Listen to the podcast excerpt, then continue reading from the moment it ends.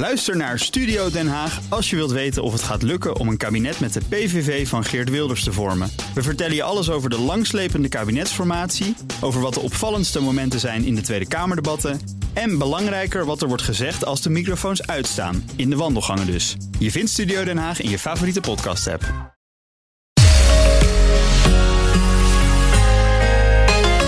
Moeten we nog altijd streven naar economische groei? Mijn indruk is dat steeds meer mensen denken van niet.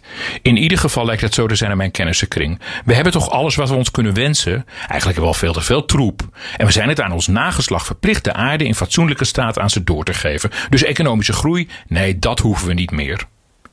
Ik kan me daarover enorm opwinden.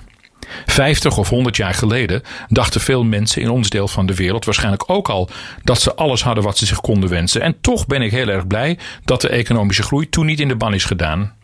Mijn leven is toch echt een stuk geriefelijker dan dat van mijn voorgeslacht uit die tijd. Ik vind het onvoorstelbaar arrogant om te veronderstellen dat we nu een soort hoogtepunt van vooruitgang hebben bereikt. In mijn jeugd bijvoorbeeld bestonden mobiele telefoons niet. Ik heb dat toen niet als een gemis ervaren, maar nu ze er wel zijn, wil ik niet meer zonder.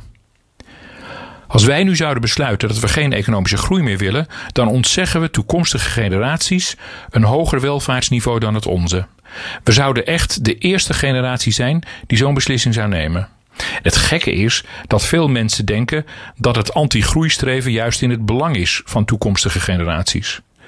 Wat die antigroeidenkers ook vergeten is dat toenemende welvaart ons juist in staat stelt beter voor onze leefomgeving te zorgen. Ik zeg niet dat er geen grote uitdagingen op dat gebied zijn, maar het is geen toeval dat de luchtkwaliteit in ons land en de waterkwaliteit in onze rivieren nu veel beter zijn dan 40 jaar geleden. Wat de antigroeidenkers ook vergeten, is dat zonder economische groei niemand erop vooruit kan gaan zonder dat iemand anders erop achteruit gaat. En niemand houdt ervan om er erop achteruit te gaan. Daar verzet men zich tegen. Dat maakt het voor mensen in minder goede posities en vooral jongeren extra lastig om fatsoenlijke kansen te krijgen. Juist in landen waar de economische groei langere tijd heel laag blijft, is de jeugdwerkloosheid doorgaans hoog. En niet voor niets wordt in landen als Japan en Italië, landen met chronisch lage economische groei, vaak gesproken over een verloren generatie. Het is volstrekt helder dat de economische groei ervoor zorgt dat kansarmen en jongeren juist wel kansen krijgen op economische ontplooiing. Je moet het streven naar economische groei natuurlijk niet verwarren met materialisme. En uiteraard moeten we zorgen voor onze leefomgeving. Maar laten we ophouden met dat anti-groeidenken. Juist als de economie groeit, zullen mijn kinderen en kleinkinderen en ook de uwe de beste kansen krijgen.